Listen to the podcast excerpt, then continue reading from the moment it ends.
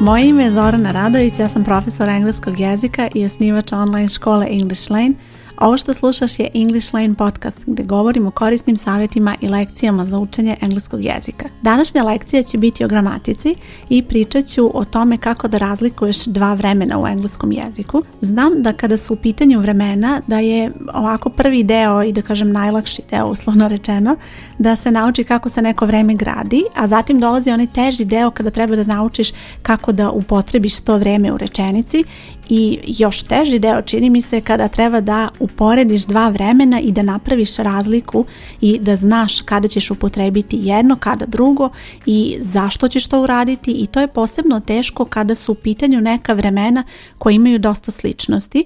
I naravno, pre svega je tu present simple, present continuous. Znam da su to vremena koja dovode do najviše nedoumica, i zato sam imala već jednu epizodu podcasta o tome i ostavit ću link da možeš da preslušaš i to. A u ovoj epizodi pričat ću o vremenima past simple i present perfect. Jedna rečenica koju sam ja dobila i koju je izazvala nedoumicu kod jedne od mojih polaznica u mojoj online školi je rečenica nije ti ostavila poruku i sada je dilema u toj rečenici da li treba upotrebiti past simple ili present perfect. Ono što prvo treba da znaš je kada imaš ovako rečenicu bez ikakvog daljeg konteksta, tačno je da upotrebiš i jedno i drugo. She didn't leave you a message. She hasn't left you a message. I jedna i druga rečenica su tačne jer nema daljeg konteksta, dakle ne znaš šta se dalje dešava i da li postoje neke odredbe za vreme koje ti mogu pomoći da odrediš koje vreme da upotrebiš. I to je ono na što ćeš se oslanjati kada su u pitanju vremena, kada razmišljaš koje vreme da upotrebiš u rečenici. Da bi naučila da upotrebiš past simple i present perfect, ja prepostavljam da sada u ovom trenutku znaš kako se ta vremena grade i sada ću ti skrenuti pažnju na tri ključne razlike koje će ti pomoći kada imaš tu dilemu da li da upotrebiš jedno vreme ili kada drugo i kako da razmišljaš u tim situacijama. Prva razlika i prvo to nešto na što treba da obratiš pažnju je određenost, odnosno neodređenost radnje, odnosno vremenskog perioda. Da li je period kada se radnja desila određen ili neodređen? I odmah ću to objasniti na primjeru da razumeš o čemu se radi, šta je to uopšte određeno, šta neodređeno. Poslušaj sada ovaj primjer. He got up at 6 a.m. that morning. Ustao je u 6 tog jutra. U toj rečenici imaš određeni vremenski period. Kako da znaš da li je to vremenski period, da li je određen vremenski period, postavit ćeš pitanje kada, kada se radnja dogodila i kada tako razmišljaš, pogledaš rečenicu i razmišljaš kada se ovo dogodilo, imaš odgovor at 6 a.m. that morning. U toj rečenici imaš odrednicu za vrijeme, imaš kada se radnja dogodila i u toj situaciji ćeš sa potpunim pravom upotrebiti past simple i tačno je da upotrebiš past simple jer se to vreme koristi za radnju koja se dogodila u određenom trenutku u prošlosti. Sljedeći primjer glasi ovako. He has traveled to Italy twice.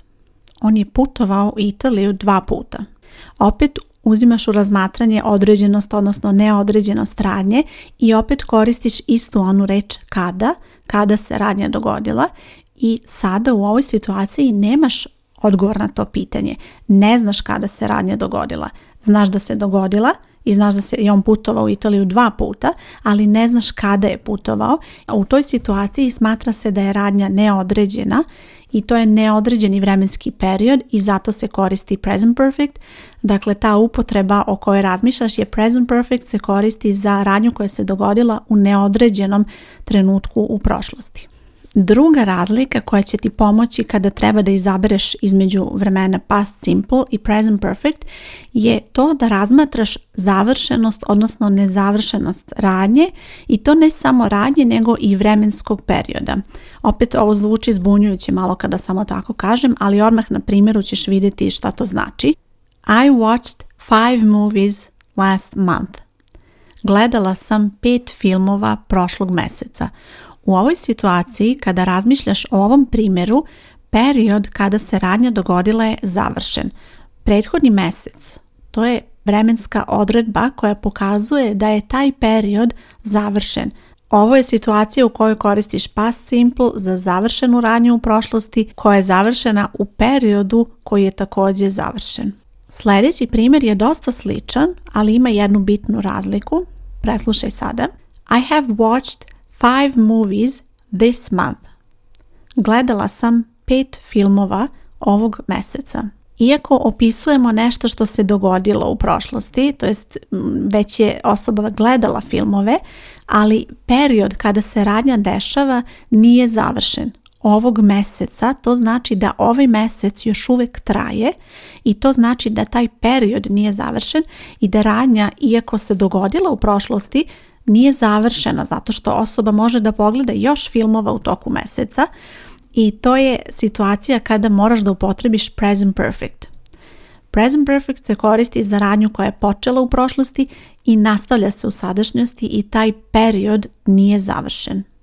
Iako sam obe rečenice prevela prošlim vremenom, ova rečenica druga se odnosi na neki period koji nije završen i zato je neophodno da se upotrebi present perfect i ne bi bilo tačno upotrebiti past simple. Nije pravilno reći I watched five movies this month zato što period nije završen. I treća razlika koju je bitno da imaš u vidu kada razmišljaš da li da upotrebiš past simple ili present perfect je posljedica. Da li radnja koju pominješ ima posljedicu u sadašnjosti i da li se ta posljedica pominje. Preslušaj sada ovaj primjer. I lost my keys.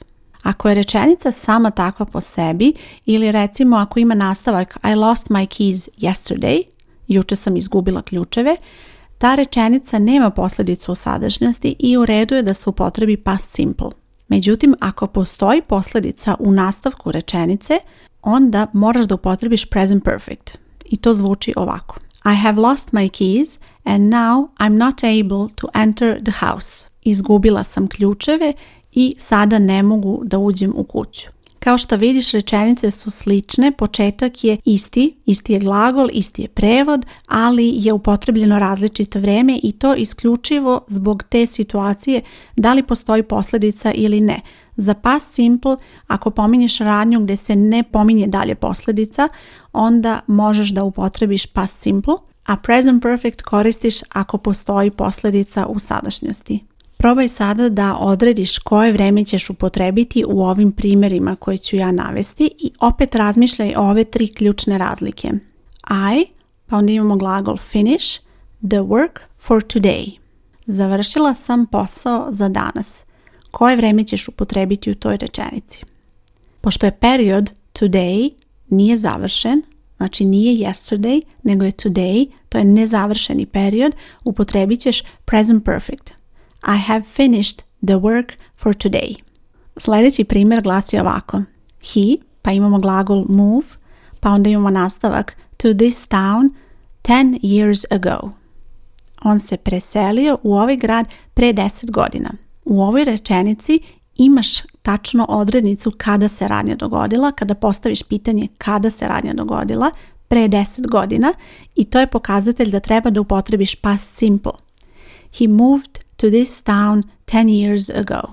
Sljedeći primjer, I, pa sada treba da se upotrebi glagol visit, many towns in Italy.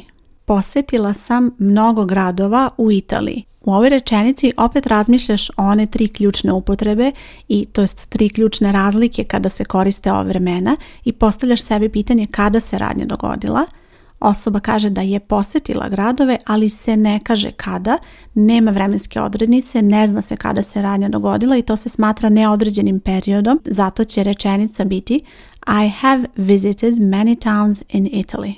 Na ovaj način i ti treba da razmišljaš kada je upotreba ova dva vremena, a i generalno kada su u pitanju vremena, moraš da razmišljaš o tim upotrebama i da svaku rečenicu koju analiziraš, analiziraš na taj način tako što ćeš razmišljati o upotrebi i razmišljati da li tu ima smisla upotrebiti to ili ne. U ovim konkretnim situacijama ponovit ću dakle te neke ključne razlike.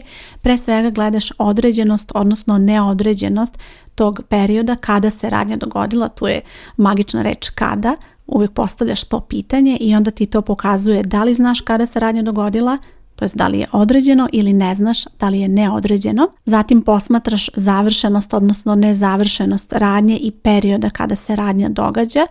Tu smo eto uporedili razliku, imali smo last week i this week, odnosno last month, this month.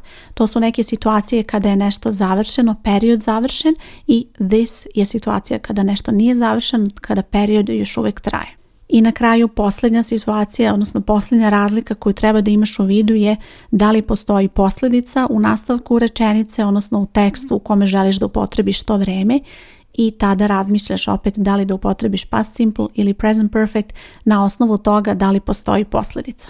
Nadam se da ti ova lekcija bila korisna i da ti ova objašnjenja mogu pomoći da bolje razumeš ova vremena i da kada imaš dilemu i kada imaš situaciju gdje moraš da upotrebiš jedno od ova dva vremena, da znaš i da razumeš ove situacije i na koji način se one razlikuju i na koji način one utiču kada je u pitanju izbor vremena, da li će to biti past simple ili present perfect. Najviše problema kod ove lekcije i kod ovakvih nekih lekcija dolazi kod onih koji su učili engleski po sluhu kroz filmove, serije i tako dalje, a nikada nisu naučili pravila koja stoje iza tih odluka i onda recimo kada dođe situacija oni po osjećaju nekom urade neki primjer, a onda se ispostavi da to nije tačno jer zapravo ne razumeju šta se nalazi iza toga i koja se to pravila treba da imaju u vidu da bi mogli da donesu takvu odluku i da kada stvore ta taj osjećaj za te primjere da to zaista bude precizno i da bude tačno. Ukoliko želiš da dođeš do toga da osjećaš sigurnost kada su ovakvi i neki drugi izbori u pitanju, kada sa sigurnošću možeš da kažeš nešto na engleskom i da znaš da je to tačno, onda je neophodno da učiš pre svega redovno, da učiš sa razumevanjem i da učiš na organizovan način. I nažalost to neka znači da ćeš morati da se vratiš, čak i ako si recimo stigla do nekog nivoa, da ćeš morati da se vratiš na neke lekcije, da obnoviš, ali to je sve u redu ako ti zaista želiš da osjećaš sigurnost kada je u pitanju konverzacija na engleskom, to je neophodno i to je jednostavno najbolji put da to zaista i ostvariš. Ja mojim polaznicama pomažem da nauče engleski jezik tako što će pohađati program koji je u potpunosti dizajniran tako da razvija sve četiri jezičke veštine i uz to im pomaže da engleski u svakom trenutku koriste na praktičan način, što znači da je neophodno da zaista sa razumevanjem nauče sve što imaju pred sobom da bi mogle zaista i da urade sve te zadatke koji ih očekuju. I ja uvijek insistiram na kvalitetu kada je u pitanju učenje engleskog jezika i polaznice znaju da moraju da nauče to na takav način da mogu zaista da upotrebe i da je neophodno neophodno i da to zapravo rade za svoje dobro, da uče na takav način da ne bi došlo u situaciju da osjećaju nesigurnost, a da recimo iza sebe imaju nekoliko kurseva, već je bitno da sve što uče, uče sa razumevanjem postepeno i na onaj način koji njima omogućava da ostvare najbolje rezultate. U pitanju je učenje u mojoj online školi. Zaista mi je bitno da polaznice sve što uče nauče onako sa razumevanjem i da zaista mogu to da upotrebe i naravno to neka znači da će morati da se vrate na neku lekciju ako primetim da su nešto prebrzo uradile, ako nisu ostvarile dovoljno dobar rezultat, ja ću ih vratiti da nešto ponovo urade jer je to zaista najbitnije i jedini način koji će ti omogućiti da ostvariš dobre rezultate i da se zaista posvetiš tome da učiš kvalitetno uz naravno kvalitetne materijale i programe koji će ti to omogućiti.